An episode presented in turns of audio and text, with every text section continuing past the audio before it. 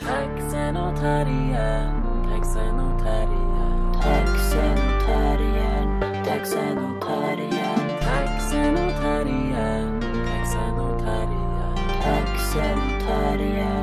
Det är så härligt att sitta vid en mikrofon. Jag tänkte säga just samma sak, att det är härligt att sitta i samma rum Ja. och inte behöva en sådär väldigt obekväm ställning eh, neddykande till datorns mikrofon. Ja, här är vi nu våra underbara röster. Live. Ja, i Helsingfors. Ja, fantastiskt. Nå, berätta nu Johanna, hur var Stockholm? Eh, trevligare än Helsingfors. Där fanns ingen snö. Jag promenerade. Jag, jag var på Dramaten. Mm, Dramaten. Dramaten. Mm, var det så- härligt? Åh, det var så härligt. Mm. Och så var jag på bio, jag var på Fotografiska. Alltså jag har fått så mycket Mm. kulturupplevelser att jag, liksom kan, jag, jag, känner liksom att jag känner mig revitaliserad. Men jävligt trött. Ja, det, det är liksom baksidan då. Ja. Ja. Nå, ja, men här kan man ju snart få börja gå på kultur, eller kanske till och med redan nu. Ja, man kan få gå, du får gå på kultur. Så varför skulle det vara så mycket bättre i Stockholm? För att det var varmare. Ingen snö, varmare. Okej. Härligt. Härligt, okej. Satt på okej. klipporna. Accepterar. Eh, på solen klipporna. smekte mitt eh, ansikte Det är och min kropp. sportlov, du kan inte säga att du har suttit på klipporna i Stockholm. Men jag gjorde. Men är det det? inte vinter i Sverige? Nej, men jag sa ju att det fanns ingen snö. Solen Ah. sken och jag satt på klipporna med solglasögon och solen smekte min kropp. Hör du inte vad jag säger? jag vill inte höra. Nej, exakt det är vad jag har varit med om. Okej, men det låter ändå ganska härligt. Mm, jag sa ju att det var härligt. Men du kom ju också till Stockholm. Det var Ja. inte lika härligt. Nå, alltså, det var väl... Alltså, jag tycker att jag såg ett hotellrum och en teater. Och två restauranger. Och två restauranger, det är sant. Men ändå så känner jag mig uh, missnöjd. Om det, det men du fick ju så. ta del av en härlig workshop på turteater. Ja, ja. Så jag det menar var att det- det var ju bra. ändå något. Jo, jo, jo, jo. Jag tycker bara... Alltså jag måste säga, nu säger jag någonting Säg. som jag står på. Ja. Ah, tycker- Inget annat i den här podden står du Nej, för, men, men just det här. Just det här står jag för. Nej, men jag tänker så här att, att innan pandemin så var det mycket sådär just så här weekendresor. Liksom. Ja. Och jag har såna minnen av helt så fruktansvärda resor när vi först har varit i, i Köpenhamn, sen har vi flugit till Stockholm och varit där över dagen och flugit tillbaka till Köpenhamn. Alltså något så helt liksom, Ja, fast jag minns det men ändå lite sådär med nostalgi. ja, men, ja förstås, men också liksom helt sådär knäppt liksom. Vet Jo, du? Att men det lite verkligen, härligt. Ja, men det är det jag inser nu att så här weekend liksom resor som inte liksom, som alltså är helt och hållet bara jobbresor, alltså det är stressigt för mig. Jo, det, det är stressigt, men och lite härligt. Alltså det har ingenting, hur ska jag säga så Alltså det, det är något du har liksom inte kommer att sakna efter pandemin. Nej, alltså jag, jag tänkte verkligen så här på din fasadrenovering, att hur du och jag också längtar efter att det skulle liksom komma bort den här eh, liksom fasadrenoveringen helt enkelt. plasten. Plasten. Och sen när den kom bort så var det faktiskt inte alls så härligt. jag tänker så här, sådana här liksom korta resor. Nej, men nu är alltså det ju jag- härligt, men alltså det kanske inte är en sån stor Alltså fantastisk känsla som en har förväntat sig. Ja, det det är ju som när du har det. hållit på och kämpat om den här, eh, din dotters musikterapi. Ja. Så sen plötsligt när du då liksom fick den här musikterapeuten. Så och var det, Jag fick allt som jag ville ha. Ja. Och, inte, och helt med hederliga medel. Ja, och det- blev otroligt väl bemött Ja. från FBA måste Ja, jag säga. ja, men alltså, då har du ju kämpat med den här musikterapin. Ja. Liksom, eh, det har vi ju pratat om i andra podden. Men Ja. alltså, den här farsen har ju pågått liksom, Ja. eh, fortsättningsvis. Ja, men du har nu till är den- exempel måste ringa till varenda musikterapeut i hela eh, Raseborg. Ja. För att, men alltså, jag menar, Ja. Mm. fortsatt fortsatt. Men så igår då fick du det här glädjefulla Ja. budskapet. Ja. Att, Dels att, Alina har blivit beviljad musikterapi. Men det var inte dels, igår. Nej, men dels att vi då kan fortsätta med den terapeuten som vi har fortsatt med. ja. Men då var det ju inte heller sådär att det var liksom bara sådär, huh, och så var det över. Men det var ju inte liksom så här eh, gigantiska fanfarer och eh, dansa runt på borden och liksom sånt. Alltså, jag menar, och, och jag menar, hur, hur länge stannar det här glädjeruset i dig? No, det kanske vi kan då konstatera är att jag är en människa som inte blir så glad. att om det är det du vill ha sagt så okej. Okej, jag är helt enkelt en människa som ofta är missnöjd och även när jag får min vilja igenom och det ska, och blir så som jag har önskat att det ska bli så blir jag ändå inte så glad. Nej, nej. Så det där, alltså om Men det var det du ville ha sagt så ja, så är det tydligen. Men jag tänkte bara, är det inte så där vi alla funderar sådär att vitsi, vitsi, vi måste få det här bidraget som vi ansöker om och sen när vi får det så är vi sådär, oj, det var ju bra. Liksom fantastiskt. Liksom, alltså, jag Alltså menar, helt för- enkelt alla glädjeämnen är fullständigt alltså, bortkastade på dig och mig. Nej, nej, men vad blir du då sådär riktigt? Alltså, nu har du ju inte varit så glad under pandemin och inte jag heller. Men jag menar att, eller jag vet inte vem som har varit så glad under pandemin. Någon kanske. Någon sa att den hade varit glad men att inte hade vågat säga det. Nej, och- och nej, det jag- förstår jag. Alltså. jo, ja. Det ska man vara Nej, tyst men om. vissa har verkligen. varit jätte, jag har hört vissa som har varit jättenöjda med att jobba hemifrån Ja. och vissa har varit jättenöjda med att inte ha FOMO och liksom, alltså massor med sådana saker. Mm. Ja. Men jag menar, må, ändå majoriteten tror jag inte har varit så nöjda med den här pandemin. Nej, jag tror det också. Ja, alltså, jag kommer nu helt kallt att påstå att majoriteten inte har varit nöjda med pandemin. Mm. Och särskilt de som bor på landet. Nej, men vad blir du då sådär liksom? Särskilt de som bor på landet. Nej, men är ju... tyst, tyst. Alltså, det här är en referens till vår förra podd, så om ni lyssnar på den så shamear Sonja alla som bor på landet i den. Ja, men skitsamma. Eh, men vad blir Så du då? bra. ja, vad, vad ville du Men fråga jag mig? frågar, vad, alltså, vad blir du då sådär liksom, eh, vad heter det, Kalle Anka glad åt? Liksom alltså bara sådär som är hoho, tjoho, dansa på borden, yeah, yeah, yeah. Alltså vad är det liksom som får dig igång liksom? Ja. Ja men alltså, Men jag tycker det där är, en helt, det är en bra fråga alltså. Men jag tänker det har varit så mycket liksom sådär grått under pandemin. Ja. Så jag tänker att, och nu när vi inte ens har blivit glada åt att plast är borta från eller musikterapin, så vad blir vi då egentligen Eller att åka glada till åt? Stockholm. Ja. No, jag sa ju just att jag har låtit solen smeka min kropp på klipporna. Så jag och jag blev varit- liksom provocerad av det direkt. Ja. Ja, det där är en bra fråga. Alltså, vad, blir jag, vad blir man riktigt glad åt? Och det återkommer vi till lite senare här i podden. Men när vi tar oss en riktig funderare så i slutet av den här podden kanske vi... jag, ska, jag ska tänka på vad jag Ja. blir riktigt glad, Ja. glad åt och jag ska eh, berätta det i slutet av den här podden. Och om inte i den här podden så kanske i nästa podd. Det Nej. kan vara en spännande följetong. Nej, jag tycker man... Jag måste nog- Följetong? Följetong. Sorry. Följetong. Följetong? Nej, följetong. Jag skulle säga följetong. Ja, men du är från Helsingfors. Så det är lite som... Det heter följetong. Ja, skitsamma. Okej. Nåja. Nåja, nu känner jag mig verkligen glad. Ja, nu blev vi inte så glad. Okej, Men- vi, vi får återkomma till vad. Men vad gör dig glad då? Nej, men jag vet inte, det var därför jag frågade dig. Alltså, jag, hade inno, jag tycker inte heller jag har varit så där Kalle Anka-glad. Eller, inte vet jag om Kalle Anka nu är så glad, men någon eh, seriefigur som är glad. Mm. Sådär tjoho-glad. Alexander Lukas, kanske. Han har så mycket Men pengar. han är ju så... Jag, tycker de är, jag hatar Kalle Anka. Okej, jag blev jätte, jätteglad när vi vann det där priset. När vi vann eh, Svenska Teaterns liksom, eh, pris. Då blev jag nog Mm. Så liksom du blir glad över pengar, och beröm? Ja, men peng, mest pengar. Men alltså jag tänker att okej, och sen blir jag glad över liksom, alltså sådana som, jag tänker sådana glädjeruschar i kroppen liksom. Har nog många gånger också att göra med mitt jobb, alltså som att, att uppträda framför en live-publik eller möta en publik. Liksom. Kanske när vi gjorde scenmåndag och det gick bra, då kan det gå sådana glädjerusch genom kroppen. Liksom att jag blir sådär, åh nu vill jag dricka champagne. Ja. Eller om jag har haft någon jätterolig kväll liksom, med kompisar så då kan jag bli sådär. Mm, Jag tycker möte med andra människor. Att det har på något sätt alltid med något möte, förutom när jag får pris. Då har det med pengarna pengarna. att göra. Men annars har det väl med liksom... Men jag tycker det är svårt för jag tycker att, liksom att, att det har varit på något sätt så deppigt under hela pandemin att jag tycker att det, att det är tragiskt, att jag saknar det där liksom. Den där euforin. Att jag tycker att jag har blivit mera... Mm, att jag tycker att jag har alltid varit sådär jättetemperamentsfull och varit sådär jätteglad och jättearg. Men nu tycker jag att jag har varit mera i någon sån trött mellanläge. Och, jag liksom, och det är ju på något sätt som att, att en del av mig har försvunnit. Alltså att jag, och jag kan sakna den där delen. ja, jag förstår nog. Eh, jag kan nog känna igen det. Men jag tycker det, det är klart att, att på riktigt, alltså riktig glädje kommer ju alltid från ett möte med en annan människa. Så är det nog. Förutom när det handlar om pengar. Förutom när det handlar om pengar, ja. Ja. ja. Nej, men, nej, men liksom att inte finns det ju, ja, om jag tänker på några saker eller liksom beröm eller liksom arbete eller liksom att inte ha, inte det är ju liksom inte har det ju någon betydelse om... Men nu kan det ju ha ibland om en har känt att en inte är sedd.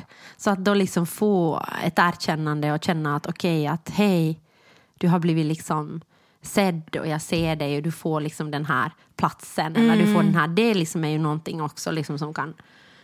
Jag tycker att mest har jag liksom, jag har inte känt liksom glä, glädje, gud det är så hemskt att säga men det är ju sant. Men det som är närmast är väl kanske lättnad. Liksom. Som någon slags positiv känsla.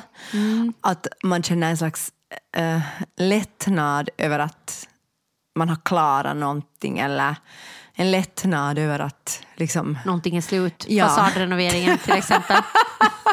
eller lättnad om man har kämpat för någonting som sitt barns musikterapi. Liksom.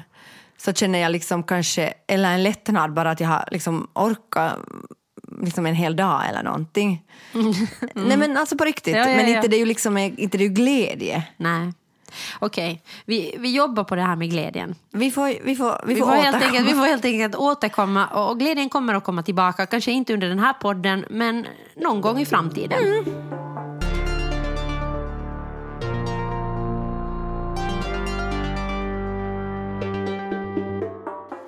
Vi läste en lång artikel i DN. Nå, inte nu så lång. Så jag tyckte den var jättelång. Ja, ja. Den, alltså okej, den var, okej, jag uppfattade den som lång för att den var innehållsrik, Den var späckad. smockad, smockad med fakta. Ja, alltså otroligt intressant eh, artikel av Ja. Roland Paulsen, Paulsen, vet inte hur man uttalar detta.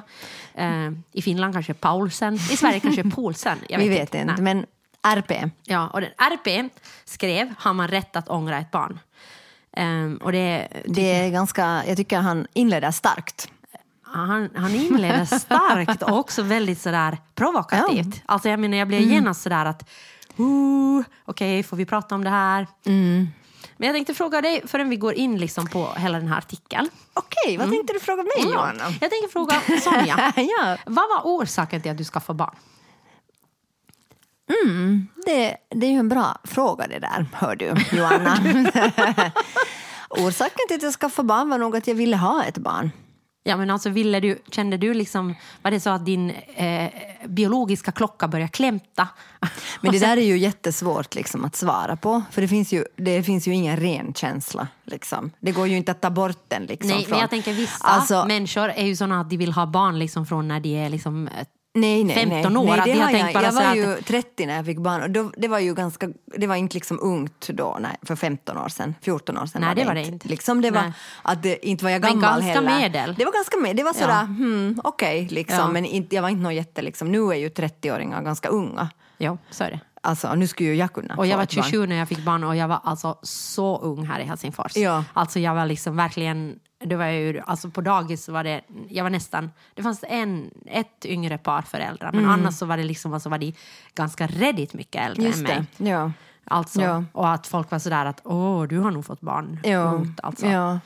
Men, men det där, alltså Jag jag tycker att... att... tonårsförälder här och sen i Österbotten var det så aha, var du så gammal? Ja, ja. Eh, Okej, lite olika. Ja, verkligen. Det är intressant. Ja.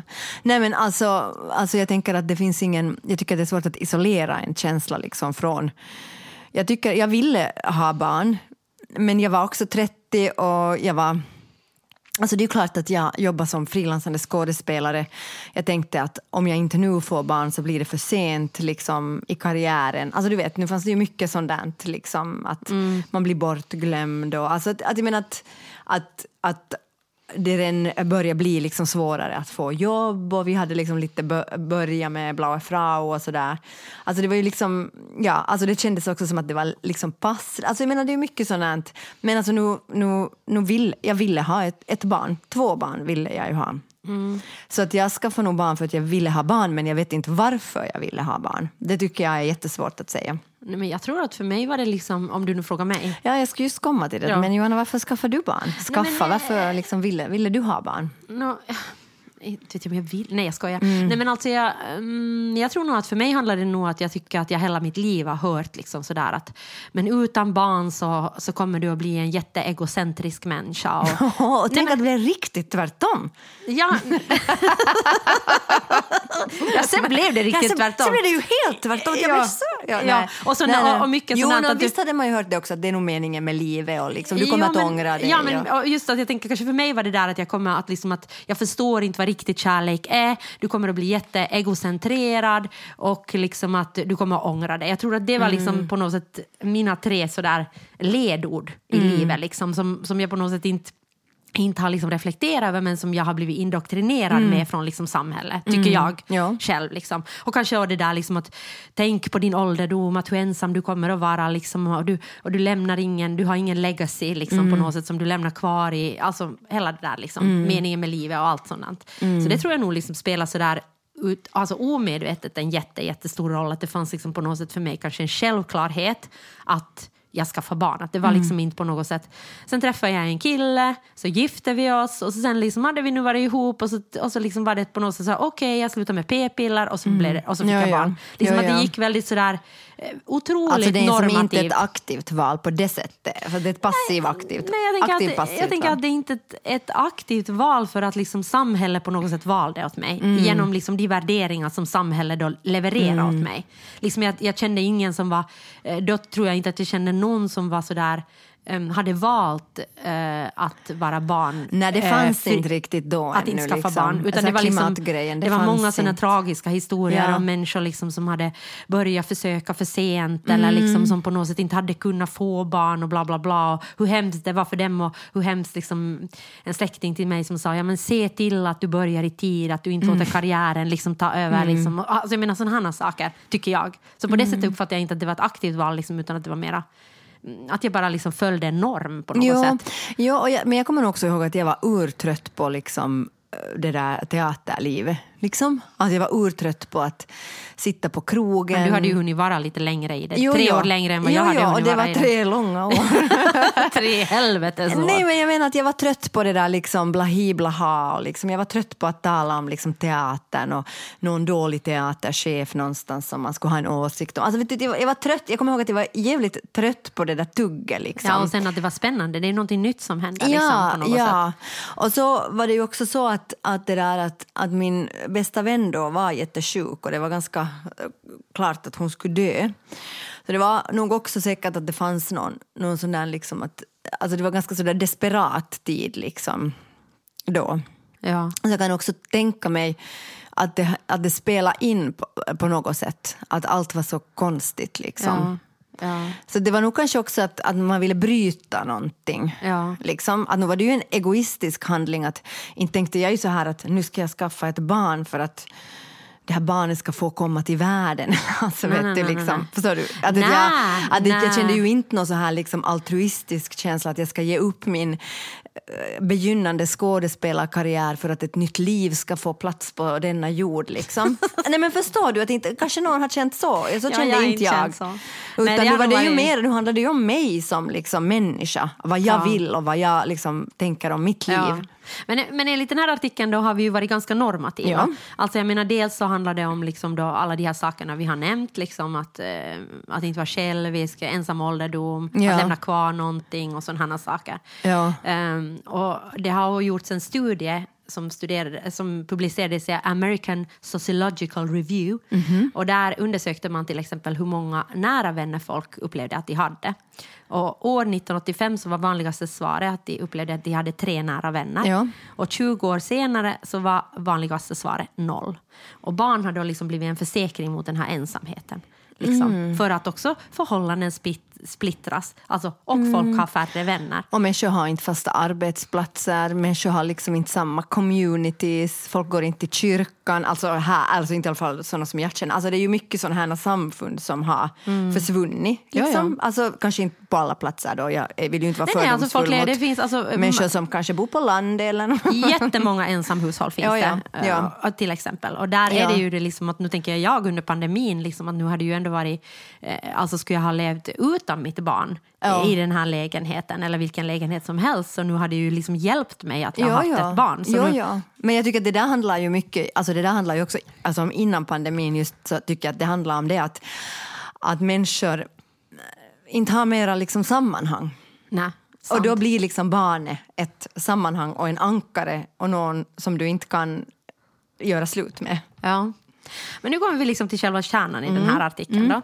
Och då är det faktiskt så att föräldrar generellt är olyckligare eh, än barnlösa. Och det här är ju liksom helt, alltså, jag menar, det här är ju mot precis allt det vad vi har sagt just nu. Mm. Ja. Liksom att på något sätt att, att ehm, Det är för att man inte vet vad man signar upp för. Alltså. nej, och att folk då alltså, eh, många alltså ångrar att de har skaffat barn. Ja. Och då handlar det ju inte egentligen om att de, de ångrar liksom barnet utan de ångrar, ångrar sitt föräldraskap. Men det här är ju en tabu alltså. Det, Ja. det här får du ju inte prata Nej, om absolut överhuvudtaget. inte. Nej. Men, och, och de som har pratat om det har ju fått enorm vrede Ja. mot sig. Ja. Har du liksom känt att du, får jag fråga det? Ja, Eller du kan säga att, har du någon gång känt att du har ångrat ditt, att du har skaffat barn? No, alltså klart att jag har ångrat det hundra gånger. Men jag kan inte, jag har så liksom... mitt liksom föräldraskap och mitt liksom barn har varit så otroligt liksom icke-normativt. Men det är klart att eh, åtta, nio år av vakande. Alltså om jag inte skulle ha ångrat mig någon av de där nätterna när jag inte har liksom fått sova så skulle jag ju vara någon slags helgon. Liksom. Ja, Alltså det är ja, klart ja, att jag har ångrat mig. Jag har tänkt så här, vad har jag gett mig in på? Ja. Jag förstår inte, eller liksom... Men har du då ångrat, liksom, har du ångrat då liksom, har du tänkt att, sådär, att Alina förtjänar en annan förälder? Liksom, eller har du, har du liksom tänkt bara att jag ångrar att jag över... Liksom, vad har den där ångan bestått i? Liksom? Har det varit så som det står i den här artikeln, att liksom, många uppger då att de... No, inte har jag ju förstås... Alltså, det, det, det kan jag ju inte säga att jag, jag har ångrat att Alina är född. Det skulle, då skulle jag ju vara ett monster. Nej. Det ångrar jag absolut inte. Hon är ju liksom en person som på riktigt... Jag tror att hon har ett... Liksom, jag tror att hon har ett ganska bra liv. Liksom, helt sådär på riktigt. Ja. Alltså, jag, varför ska jag ångra? Hon är oftast jätteglad och liksom, alltså, har det ganska roligt, kan Ja. jag tro. Men, men jag ångrar ju inte att hon har blivit född. Men jag visste ju inte vad, vad, det, vad det skulle innebära att få ett barn som kräver 100% skötsel 24 timmar om dygnet. Liksom. Att det är klart att... Det har ju att göra med det där att man vet ju inte vad man signar upp för. Nej, nej att, inte, att, att jag tror att om det skulle, hon skulle haft så att säga, en normal eller normativ utveckling och liksom börja gå när hon är ett år gammal och liksom börja prata, vi är det och det, då, då kanske jag skulle ha ångrat mig mindre. Därför för att då skulle det ju ha gått som det går med alla andra. Eller kanske jag skulle ångra mig mer. För att, eller jag, jag kan inte säga att liksom ångra. Alltså, Men det där är ju också något som lite och att ång- ångra uppfattas som ett så jättedestruktivt Ja. ord. Att det, vi är så rädda liksom för den där ångan i liksom samhället överlag. Att liksom säga att man redan säger att, att säga att ångrar, ångrar sitt barn eller ångrar att jag har blivit förälder är ju liksom, alltså det är ju liksom... Jag tycker det också är helt fel ord alltså faktiskt, ärligt talat nu. Jag, jag, jag ska just fråga dig om du har ångrat ditt barn. Ja, nej, du behöver inte fråga mig. Kan nej, nej, jag, jag ska det där, alltså jag tänker så här att jag, jag ångrar absolut inte att jag har fått Alina och jag tycker att det är jättebra både för världen och för Alina att hon finns här. Så det, det tycker jag är liksom jättebra. Sen så, så hade jag ju inte en jag hade inte en vetskap om hur otroligt tungt det skulle vara, alltså både fysiskt och emotionellt att få ett så icke-normativt barn. Och det kan jag ju liksom någonstans tänka att, att, liksom att, att jag ångrar att jag inte var bättre liksom utrustad för det. Att jag ångrar att jag inte liksom stod upp för mina egna liksom känslor och mina egna, liksom min egen så att säga, intuition tidigare. Och jag, det är liksom sådana saker kan jag ju ångra. Att jag, liksom, jag tycker att jag har låtit mig liksom bli jätteshamad för en massa olika saker. Och jag har låtit liksom folk trampa på mig och säga saker som, som inte, sånt borde inte ha fått liksom hända. Nej. Så, så jag kanske ångrar mer att jag inte var så utrustad för det.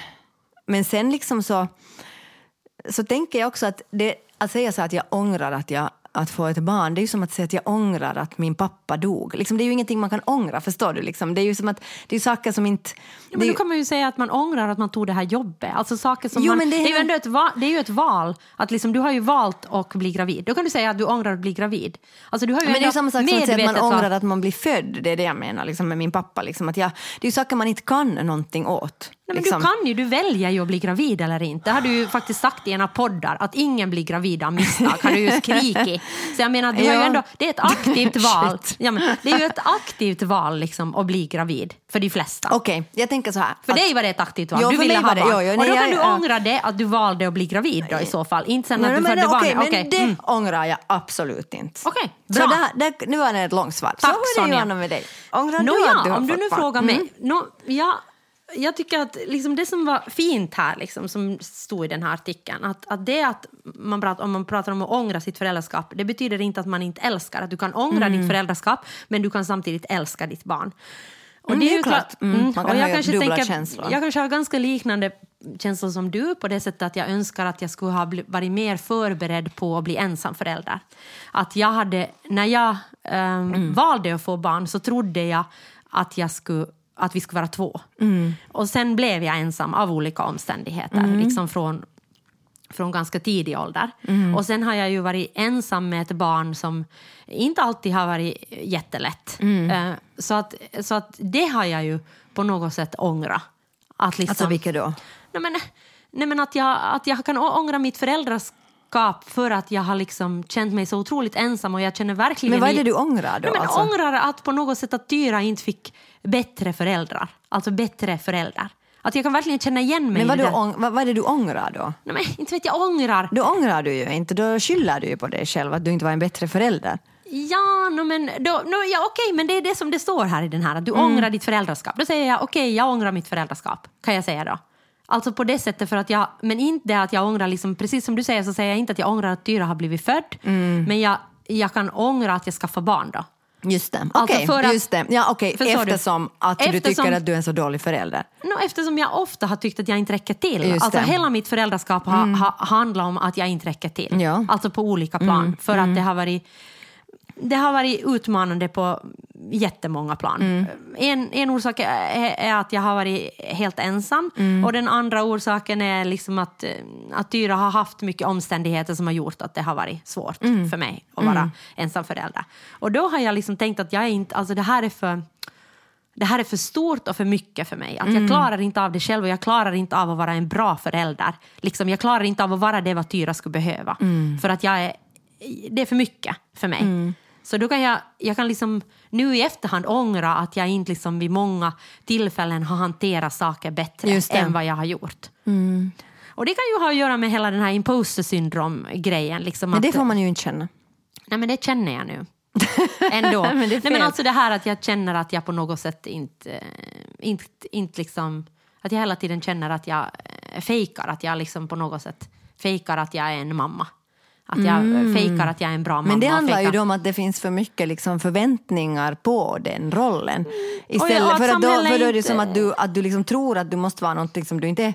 Men du är ju en mamma, alltså är du inte en imposter. Nej, nej, men det alltså, finns ju jättemycket förändring. För, för, och mycket av de normerna som byggs upp i samhället är ju uppbyggt runt två föräldrar som båda ska ta hand om ett barn. Mm. Alltså, så är det ju inte i många familjer. För många familjer, fortfarande idag så är det kvinnan som tar hand om barnet och mannen som, om du pratar om heterosexuella Mm. relationer. Eh, men, jag menar, eh, men jag menar oberoende så säger ju samhället, det är ju inte uppbyggt runt mig som ensamförälder. Nej. Det, alltså verkligen inte Nej. uppbyggt runt mig. Eller då är det uppbyggt runt mig att jag ska ha liksom ett, ett stor tillgång av liksom släktingar som ska ta hand om mina barn. Jo, jo. Och mina föräldrar bor i, i Jakobstad och Mm. min mamma meddelade ganska tidigt, alltså som jag tycker är sunt när vi fick barn, så hon, hon har haft sina barn. Mm. Att liksom hon umgås gärna med det men hon kommer liksom inte ta hand om våra barn för Mm. oss. Och det var liksom tydligt för mig. Alltså då visste jag, okej, Mm. skaffar jag barn så liksom kommer inte min mina föräldrar att liksom vara de som uppoffrar all tid och sina Mm. semestrar ja, och ta hand om mitt barn. Men jag tänker, det var ändå tydligt på något Mm. sätt. Men jo, jag, jag känner igen mycket av, av de här sakerna ehm, som, som sägs här. Alltså på det Mm. sättet. Men jag tänker också så här att jag kan inte säga att jag ångrar eh, att jag har fått barn därför för att jag tycker att mitt liv eh, var helt på ett sätt, jag visste så jättemycket mindre och jag var så jag tror att jag skulle ha blivit en fruktansvärd person om inte jag skulle ha fått Alina. Mm, Så du liksom skriver under det där liksom att, att man... Att, att du menar då att du är lyckligare person? Nej, det säger jag inte. Inte att jag är lyckligare. Det här handlar inte om, om liksom lycklig eller något sånt. Jag säger bara att Men det handlar ju den här, det här står ju det att de som har de som har liksom, eh, de som är, att föräldrar generellt är olyckligare än barnlösa. Det har jag, jag, eh, hundra gånger säkert har jag varit mer olycklig därför för att det har varit så svårt. Men jag tror att jag skulle ha varit olycklig för mycket dummare saker. Fattar du vad jag menar? Ja, jag skulle ha varit olycklig för att jag inte har fått någon roll. Jag skulle ha varit olycklig för att liksom... Men det kan du väl vara i alla fall? Jo, men det blir liksom, perspektivet blir så, liksom, det blir helt ointressant. Mm. Liksom. Alltså, på det sättet kan jag nog tycka att, det kanske har du att göra med att, att det är ett barn med en funktionsvariation liksom, som gör att, att, liksom att Alltså, jag, jag menar inte heller att, att ett barn ska liksom... Alltså, det finns ingenting jag hatar mer än när folk säger så att barn väljer sina föräldrar. Fast jag tänkte så då särskilt i början med Alina när det var så svårt och jag inte förstod någonting. Och Men alla vad menar sa, man med det? Jag förstår inte. Vad betyder det att barn väljer sina föräldrar? No, jag tror att det betyder det liksom Alltså, är det att något man, religiöst, Nej, liksom, nej jag tror att det betyder det att du liksom blir uppgiften så att säga mogen. Mhm. När du får, om du får ett barn som är en viss sorts barn så måste du bara Men oberoende, men nu, alltså, nu kan jag hålla med om det på något sätt för att jag menar att inte, Nej, men det det jag även menar, om jag jag- inte har signat upp liksom för att vara ensamförälder så jag måste ju bara exakt. liksom, och det måste vara liksom två föräldrar fast du är en förälder. Ja. Det, är liksom, det finns inte någon annan som går till tandläkaren eller som går på all världens föräldramöten Nej, eller liksom som går till sjukhuset och alla de där sakerna. Det är nej. du liksom. Jo, jo, jag vet. Men det är ju det liksom att, att, att jag tänker att, att Alltså att jag hatar det att man säger så, men samtidigt så tror jag också lite på det. Liksom. Jag menar inte, alltså, jag vet inte hur det skulle ha varit om jag inte skulle ha fått barn. Jag tror att jag skulle ha varit, liksom, jag tror att jag skulle ha varit mycket jobbigare människa på ett annat sätt. Nu är jag jobbig på ett annat sätt då, men jag vad menar, eller okej så här, det är så här jag menar. Jag tror att ett föräldraskap förändrar åtminstone mig. Sen om det är till det bättre eller till det sämre eller om det liksom är eh, bra eller dåligt, men mig har mitt föräldraskap förändrat. Men det är väl självklart, alla relationer förändrar ju en. Alltså jag menar en, en kompisrelation eller ett förhållande, alla relationer förändrar ju en. Så det är ju självklart att få ett barn som du är så mycket med Mm. Ja. måste ju förändra dig enormt mycket. Ja. Alltså tänker jag. Men alltså det som är förvånande Så att jag menar alltså att ångra eller inte ångra, men alltså förändra kan jag gå med på. Nåja, de har nu använt det här liksom ehm, den här eh, frågan som har varit, det har ställts en fråga i en amerikansk enkät då, oklart vad, och då har det stor andel av föräldrarna när de har frågat då att, liksom, att hur många barn skulle du vilja ha om du kunde välja om? Och då har stor del svarat noll. Eh, och sen en annan enkät då från i Storbritannien, Storbritannien som publicerades förra året och då var det 8 procent av föräldrarna som eh, uppgav att de ångra eh, att de hade fått barn. Och enkäter i USA, Tyskland, Polen visar liknande res- resultat att mellan 7 och 14 procent av föräldrarna skulle hellre ha varit utan. Jag tycker det skulle vara intressant i den här frågan, alltså om vi nu talar om heterosexuella par, att veta att om det är liksom jag mammorna eller papporna som ångrar det. Nej, och det, och det står ju här att, eh, att det främst har fokuserat på mödrar. Att, att det liksom på något sätt att den är man... Att, att Papparollen män- är helt- papparollen är liksom helt Ointressant. O, ointressant liksom Ja. i det här förhållandet. Att hur, ång, ångra pappa sina, att det påverkar inte manligheten överhuvudtaget. Liksom, Äh. På något sätt. Det, ja, det är ju helt sjukt, men alltså så är det. Men jag tänker att jag, nu förstår jag ju om det var till exempel Polen som ett Ja. land, så Sjukt katolskt. ja, och, Och väldigt sådär eh, Alltså, nu vet jag- traditionella eh, alltså kvinnor. ja, och nu vet jag inte hur det är i Polen och jag kan inte tala för alla människor som bor eller kommer därifrån, men det Kan som, du inte? No, jag måste ju göra så här disclaimer, Ja. för man blir ju alltid Ja, okej, liksom, man plötsligt hackad för någonting. Ja. Men jag menar, i Polen är det väl ändå så att, att, liksom att, att, att det är jätte, liksom, dels individualistiskt och dels så är det jättemycket på mammorna. Mm. Så det är ju klart att, nu förstår jag ju då att, eller då när vi var mycket i Polen då, 2014, så då pratade jag med några personer då som hade barn med funktionsvariationer och de fick ju ingen stöd och hjälp. Tvärtom var det så att folk, det var liksom svårt att få dem ens till skolan och sådär. Ja. Alltså, jag menar Ja. att i en sån liksom, situation så måste det ju vara helt fruktansvärt. Ja. Alltså de måste ju bara göra ett val att nu tar jag till 100% hand om det här barnet och någonstans ifrån måste jag få pengar för att klara mig. Mm. Liksom, alltså att jag menar att, att då hamnar du ju i en situation där du inte har något val. Och då, det är väl kanske då jag ångrar mig, liksom. Skulle ångra mig liksom. Mm. Men, nu, men nu tänker jag ju att redan att föda ett barn så hamnar jag ju i en situation där jag inte har ett val. Jo, men Alltså- här i Finland har du ju val att sätta det på dagis eller inte sätta det på dagis. Du har val liksom att, att det där att eh, bo i, må, många kan välja om de bor i, sta, i större städer eller mindre städer. Alltså du kan ju ändå liksom, på du det sättet, på du det har liksom ju val. Nu, har jag, nu ska jag ha haft ett val att flytta liksom till eh, Jakobstad Ja. där jag ska ha varit närmare både far och morföräldrar Ja. liksom, och dumpa över Exakt. det barnet på dem liksom, Ja. så ofta de bara ska ha tagit emot Ja, det. precis. Men jag liksom. menar, det gjorde jag ju inte. Nej, nej, så att jag menar För att- mitt jobb var ju här. Ja, ja på men då skulle du måste välja ett annat jobb eller välja Ja. en annan liksom, plats. Att jag menar att, att på det sättet liksom, så kan jag tänka mig att känslan av ånger äh, kommer då när det är okej, fuck, det här, det här kan jag inte liksom Ja, fast jag menar att ånger liksom kan komma också av mycket mildare omständigheter. Ja. Alltså, Helt säkert. av att du inte har liksom signat upp för någonting, att du tror att det ska bli på ett visst sätt. Till exempel att du får eh, ett barn med en diagnos som är svår, eller att få liksom ett, eh, eller bli ensam med ett barn, eller jag menar sådana omständigheter som du inte överhuvudtaget har räknat med. Nåja, men uh, Bell Hooks då, som ju gick bort, var det i år eller i fjol? I fjol gick, gick, eh, gick hon bort. Mm. Så hon har pratat om eh, att, att eh, moderskap och det här naturlighetsargumentet. Mm, att det är så naturligt att liksom hela det här som vi pratade om tidigare, det är naturligt för kvinnor att skaffa barn och att det på något sätt eh, att det är samma terminologi som på 1800-talet användes för att låsa kvinnor vid spisen och nu användes att beskriva moderskap som en feministisk handling. Det tycker jag var lite intressant. Liksom. Vad tänker du om det här? Jag intervjuar dig nu. Vad tänker du Johan Ja. om det?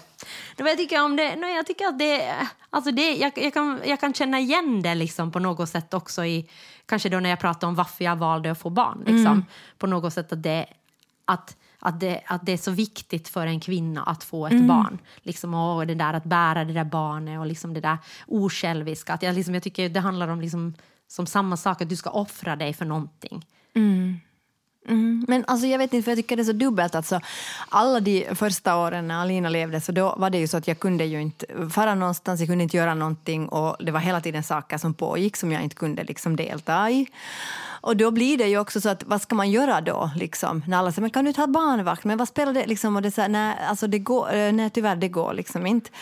Alltså, och då blir det ju också så att då blir det ju kanske lite så här omvänd grej att jag måste bara välja nu, alltså jag måste låtsas att det här är ett val. Liksom.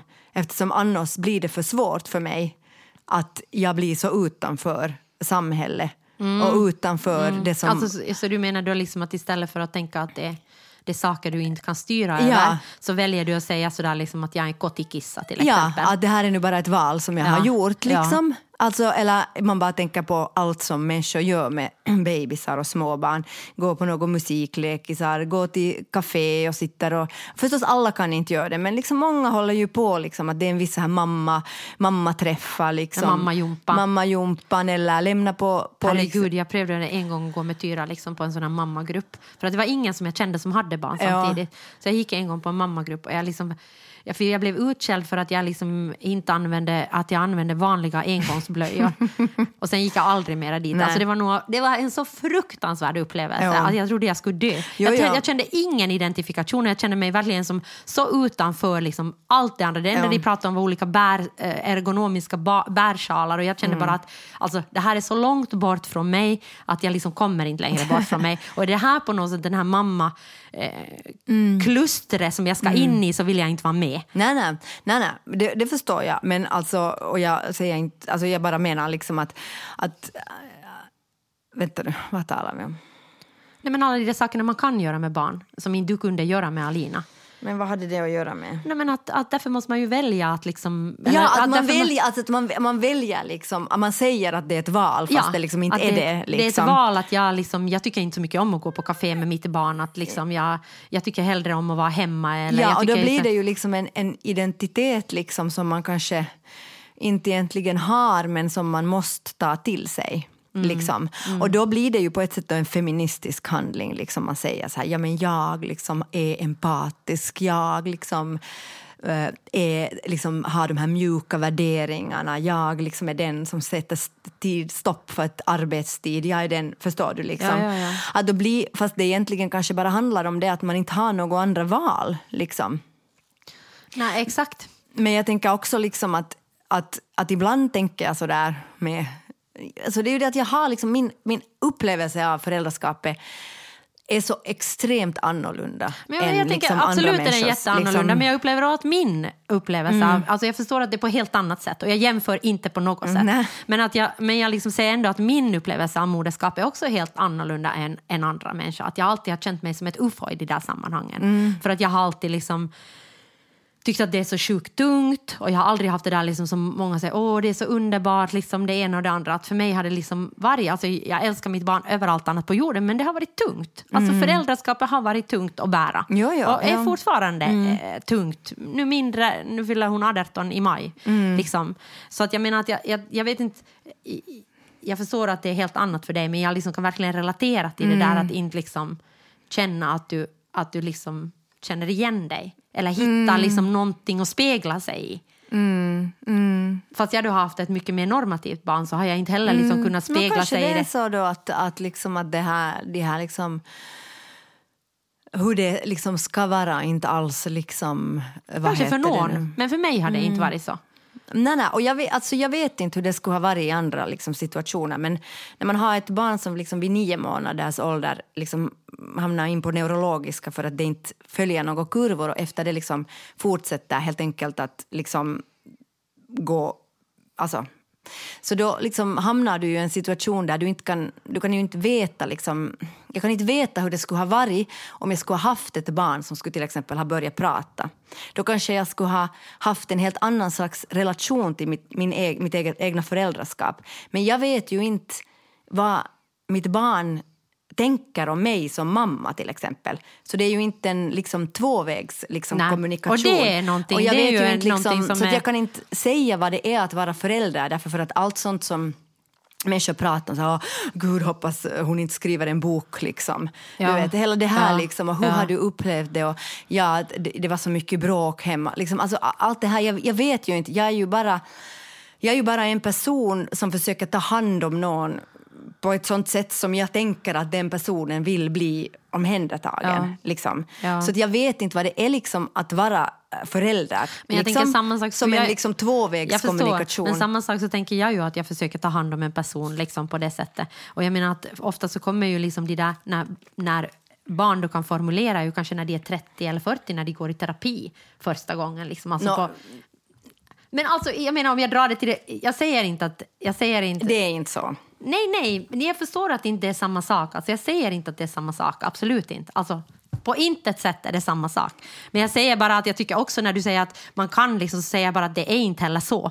Att jag tycker också att du drar över en kam när du säger att det är så, för att så är det inte. Nej, ja, Alltså- det förstår jag. Jag förstår att det är liksom olika att vara förälder. Jag bara, det enda jag försöker säga är att jag är så svårt att prata om föräldraskap för jag upplever inte egentligen att jag, jag vet någonting om det. Nej. Och jag men, tänker att jag skulle veta men, mycket men jag mer. menar, det är ju inte så att mitt, mitt barn som är 17 kommunicerar åt mig hur jag ska ta hand om det barnet. Liksom på något sätt. Alltså hon kommunicerar att hon vill ha mjölk och Mm. hon kommunicerar alltså liksom, kan säga sina behov på det sättet. Men inte kommer hon ju emotionellt att kommunicera hur jag kan ta hand om henne. nej, alltså- nej, men jag utgår från att er relation handlar om någonting annat än att du tar hand om henne. Jo, jo, förstås. Alltså, och det är det, som jag menar att det är en jag. envägskommunikation. Jo, det liksom. förstår jag allting. Allt det förstår jag. Och det är ju... Men jag menar då att det är ju ganska tragiskt om det är så att det här föräldraskapets liksom hela paket, att det är ett sånt paket som väldigt få känner liksom någon slags samhörighet i. Då är vi ju precis i det som den här artikeln säger, liksom, att man ångrar sig för att man hamnar i någonting som man inte visst, trodde att det skulle vara liksom, Det som. kanske mest som eh, liksom inte räcker till. Ja. tänker jag. Ja. Mm. Alltså, men jag, alla pratar ju bara ur sitt perspektiv, alltså. förstås. Ja, och så tänker jag också att som då, från mitt perspektiv som jag liksom upplever då, eh, som ett utanförperspektiv så tycker jag att det finns så mycket projiceringar liksom på dels på föräldraskapet och dels på barnen. Liksom. Att de ska på något sätt, att det finns en förväntan på barnen kanske. Eller det är kanske det som jag har haft, att jag har haft förväntan på mitt barn att okej att i något skede kommer hon att kunna säga om hon tycker om liksom det eller det. Liksom. Eller så är det så att, "Nå, vad tycker hon om att ha på sig för kläder? Ja, det vet jag inte. För att jag sätter bara kläder på henne. Och, och jag vet inte vad hon tycker, vad tycker hon för färger. Nej, det, det kan jag inte svara på. Jag vet inte liksom. Alltså, jag menar... Men jag tänker att att jag upplever liksom att det finns liksom som en slags projicering på, på liksom barnen. Alltså jag tycker har med föräldrarnas identitet att göra.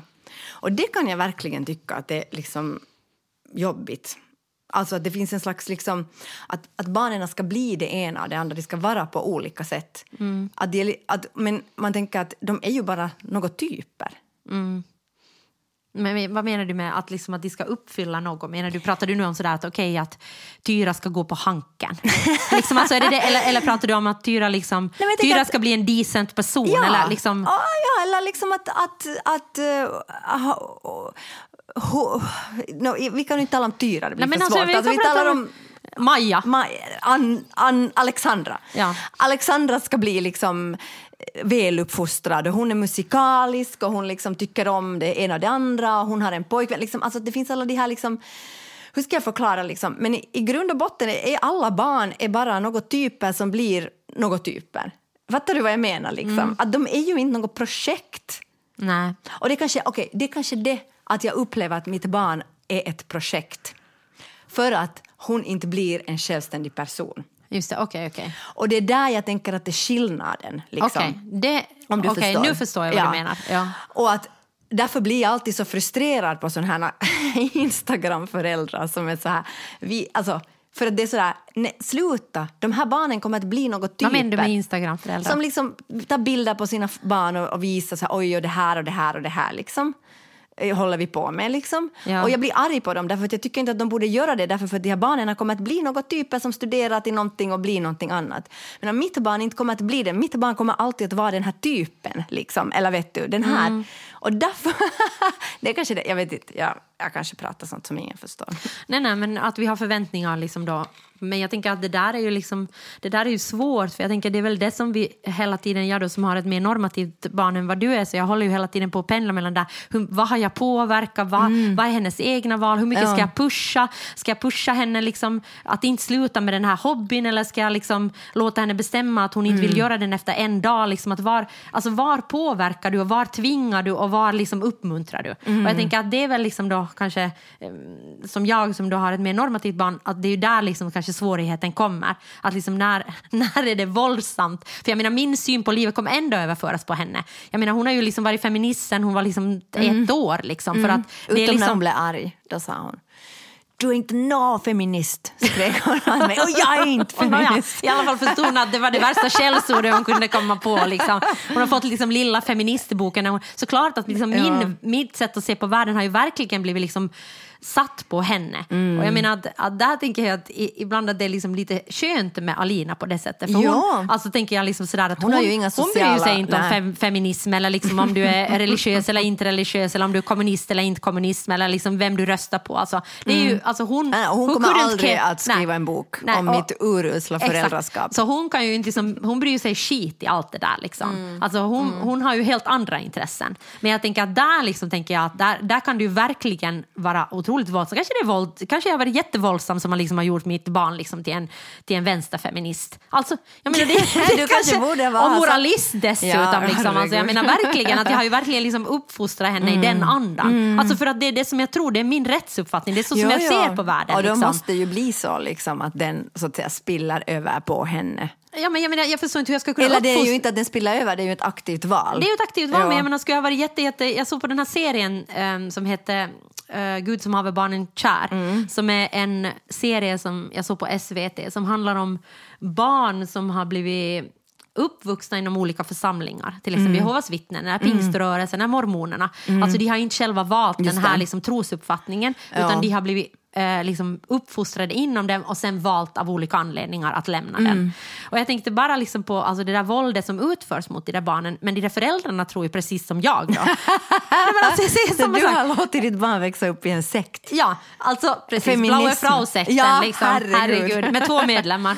Men, Världens mest jag, tänk- exklusiva men jag sekt. tänkte liksom faktiskt på det där att, liksom att hur kan du, alltså de där föräldrarna har ju trott att de har gjort, de tror ju att de räddar sitt barn från helvetet till exempel. Jo, när jo. de säger att om inte du gör så här kommer du att brinna i helvetet. Det här måste jag säga åt dig för att annars så kommer det att gå väldigt, väldigt illa Jo, jo. för dig. Så Jo, jag jo. menar det är ju no, kanske några av dem har varit onda, det vet jag inte. Men de flesta, alltså Nå, en och annan har väl varit en ond. och annan har väl hon. Det finns jätteolämpliga föräldrar också, Ja, ja. absolut. Men jag menar att de flesta i den här serien så uppfattar jag inte som att okej, att det här har varit jättevidriga föräldrar. Utan det är ju föräldrar som har handlat i god tro. Ja. Och det där är ju liksom... Jo, jo, och det tror jag nog alltså att jag åtminstone har handlat i god tro Ja. liksom, hela tiden när Ja, det har av hjälpt mitt barn. kärlek ändå på något sätt. Att man tänker att Ja. det är av kärlek liksom. Ja, Alltså jag menar att, att det är väl det som jag, det är väl det som jag liksom försöker ge av allt vad jag försöker ge åt min dotter. Liksom. Oberoende fast hur tungt det är och fast jag i, i perioder då, liksom då, om jag får använda det ordet, liksom har ångrat att jag är just förälder åt henne eller att jag inte har kunnat vara en bättre förälder och hur mycket jag lider av imposter syndrom och allt det här. Så skitsamma, jag har ändå liksom försökt mest av allt att ge henne kärlek. Taxen och terriern, taxen och terriern. Nåja, nu kan jag säga vad som gör mig glad. Alltså Yes. helt på riktigt. Alltså Nå. det som gör mig glad är, och det här nu, alltså jag, jag liksom... Och vara med mig. Ja, men yes. också att vara med Alina. men det är Ja, helt ja. sant. Och det är, liksom, det är ju helt hemskt att jag säger det efter en sån här diskussion. När man problematiserar liksom föräldraskapet och har man ångrar det eller inte. Men, Men alltså, det är ju det exakt det som artikeln säger. Att Ja. Det tar ju inte bort, även om Nej, du nej. har känslor som vi måste kunna prata om, Jo, som, jo, inte ska förstås. vara, Jo, jo. som inte ska vara liksom, eh, tabu. Ja. Nej, nej. Alltså jag måste säga att det är det som gör mig glad. Det är det som gör mig absolut mest glad. Men också mest trött. Nej, men jag, Så tycker också att när, jag, jag tycker också att när Tyra och jag har en bra dag och vi har kul och har inte grälat och vi har haft jättemysigt så Ja. då är du liksom lyckligare än vad du är någon annan Efter. efter. Vad som helst. Ja. ja håller med. Så jag menar att eh, absolut. Så nu är det väl ändå, det ligger väl någonting i allt det där. Alla de där klichéerna. Men hej, det är ju en stor skandal nu. Stora skandalen. David Beckham har pussat sitt barn på munnen. det, alltså För tredje du, gången. Men när du sa det där så då sa jag, men Victoria Beckham har ju också pussat Ja, men det sitt var barn. 2016. Ja, och sen alltså- eh, pussade David Beckham 2017 igen sitt barn. Och nu 2022 så har han igen pussat sitt barn Alltså på de är helt munnen. enkelt människor som antingen pussar sina barn väldigt ofta eller pussar dem med liksom typ fyra års intervaller. Ja. Det är Eh, någondera. Det, det, det är någondera och det vet vi inte. Men i alla fall så har det precis som 2016, 2017 och 2000, nu 2022 Aha. väckt otrolig uppståndelse. Kanske det var så att i början pussade de med ett års mellanrum och nu sen Ja. med fem års mellanrum. Ja, och det var ju Victoria som gjorde det då 2016. det är ju bara, det, de är ändå ett heterosexuellt par som... Ja, men nu har det blivit mer rabalder, alltså för att han är man. Jag tycker det var massor av rabalder Ja. för att hon var kvinna. Men lite mer nu för att han är man. Är det, för att hon, va? Det är lite mer rabalder för att han är man. No, men alltså, jag tänker bara så här att alltså, känner du fami- alltså, familjer där de håller på att pussa, bra. pussa varandra på munnen? Eh, ja, min familj. Pussar ni varandra på munnen? Eh, alltså jag och Tyra kan nog pussa varandra på munnen. Nej men du och din mamma och pappa och dina syskon, du och, och din min, min syster. bror och jag pussade alltid varandra på munnen när vi var yngre. Alltså alltid.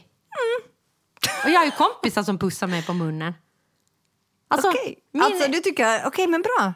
Men alltså, sätt, Nå, dig har jag nog inte pussat, du skulle bli helt förskräckt. Alltså. Men min kompis, min kompis Chasse, vi pussar varandra alltid på munnen. Alltså vi är alltid sådär... "Mwah." Alltså man kan vara på krogen eller vad som helst så kan man pussa varandra lite på munnen. Det är härligt. okej. Lite kärlek tycker jag, mera kärlek i, i livet Ja. och i världen. Okej. Alltså jag tycker inte det, alltså för mig är det där verkligen inte, alltså det är, mm, jag är en fysisk människa. så jag menar det där tycker jag inte är så farligt. Alltså vadå, liksom att, att man, okej, pedofili och bla bla bla, men alltså det vet jag inte om det nu Äh. uppdagas liksom eh, sex år senare så ber jag om ursäkt. Ja, ber jag också om att ursäkt. David Beckham var pedofil Okej. och det vet jag ingenting om. Nej. Men alltså om, Om han det är var liksom, det så då var det fel att han men om det är oskyldigt och du är liksom fysisk med ditt barn så betyder det inte mer att pussa någon på kinden än på munnen. Ja, jag tycker nog man kan hålla det där mellan hemmets fyra väggar om jag ska vara helt ärlig. Alltså, men, Du pussar inte Alina, du skulle inte kunna pussa Alina på munnen. ja, hon vill alltid pussa mig på Nej, men munnen. vad är problemet? No, inte sätter jag nu ut det på Instagram. Men varför skulle du inte göra det? No, inte sätter jag nu henne naken på Instagram heller. Alltså, jag vill bara Nej, men alltså, nej, alltså på riktigt, nej nu går det Alltså för jag långt. sätter Alltså, ju ut mitt barn på Instagram eftersom hon inte kan säga att hon inte vill vara men vadå? Men alltså på riktigt, menar du liksom att, att Jag du tycker... menar ingenting. Nej, men får jag fråga, menar du att du jämför det liksom genom att, att, att pussa på munnen som att sätta ut bilder av ditt barn naken? Absolut inte. Då är det liksom som att Jag du skulle menar- tänka att det har någonting med sex att göra, att det är någon Nej. intimitetsgrej liksom. Men är det intimt att pussa en annan människa på munnen? Jag tycker inte. Så du skulle pussa en kassa på munnen? Någon som sitter vid kassan på munnen för att det Nej, inte men är jag intimt? känner inte en kassamänniska. Så jag, men liksom människor man Men det är klart känner. det är intimt att pussa någon på munnen. Men det är lika intimt som att krama någon eller pussa någon på kinden. Alltså jag har ingen åsikt om det här. Jag försöker bara provocera dig. Ja, du lyckas verkligen. Alltså jag har på riktigt absolut ingen åsikt om det. Jag bara tänker att... Jag tycker får bara David en Beckham ska få pussa sitt barn på Jag munnen får om bara en han sån här vill. bild av att de är en äcklig familj som har jättedyra kläder. Liksom, Jo, men det är de säkert. Jätte, liksom, Men han är- har det jättemysigt, håller på att pussa varandra på munnen hela tiden. Alltså jag tycker det låter vidrigt. Okej, Alltså, jag skulle inte du är bara gå- bitter. Ja, Absolut. Absolut, men alltså, om de vill hålla på och pussa varandra på munnen så är det ju härligt för dem, men alltså, det bara låter inte som någon som jag skulle vilja umgås med, som håller på och pussa varandra på munnen hela tiden, eller med fyra års mellanrum. Det är Ja. hur man nu tar det. Okej, jag förstår. Du vill inte umgås med mig. Äntligen fick jag det sagt. ja, no, okej. Saken är synnerligen klar.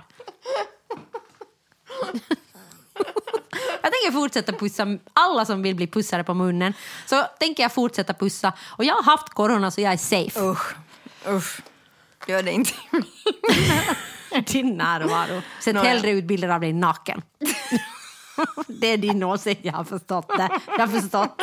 Bara jämför i din värld när du säger om jag pussar någon på munnen då är det liksom som att jag liksom har satt ut bilder av mig naken. Jag har förstått det som Ja, gör det. Ja. Jag har sett ut bilder av dig naken jag, ska, jag kommer att stå bakom dig mycket, mycket mer liksom solidariskt än om du pussar någon på munnen. Jag tänker sätta ut bilder på allt. Om jag skulle ha ett eget Instagram så skulle det vara fullt med bilder när jag pussar olika människor på munnen. Jag ska börja ett pusskonto på Instagram när jag skaffar en smartphone. Om jag måste skaffa en någon gång. Då kommer- lovar jag Du kommer, detta. tror jag, att måste på grund av bussbiljetterna. Bussbiljetterna? Ja, no, okej. No, eller så slutar jag åka buss helt Mm. enkelt. Nåja, puss! Ja. Hej, jag heter Johanna Pussen Pussy Wingren. Och jag heter Sonja Alfors. Och det här var väl en jättelång podd, men det är ju härligt för er som lyssnar. Eller, Eller, eller inte så härligt, men det, det beror ju på om ni tycker om att prata om barn. Annars, alltså, om ni inte, jag tycker om ni inte tycker om att prata om barn, då har ni nog liksom haft en jävlig tid. Riktigt jävlig timme Ja. här bakom er. Men om ni har tyckt om det så då är det ju bra för er. Nåja, alltså den här podden klipps av Ludvig Alén. Och fotona tagna av Lina Aalto Setälä Jingeln gjord av Systraskap och loggan är gjord av Johan Isaksson. och katterna på bilderna tillhör familjen Sundström Slotte. Hej då! Tjoho! Taxen och terriern, taxen och terriern,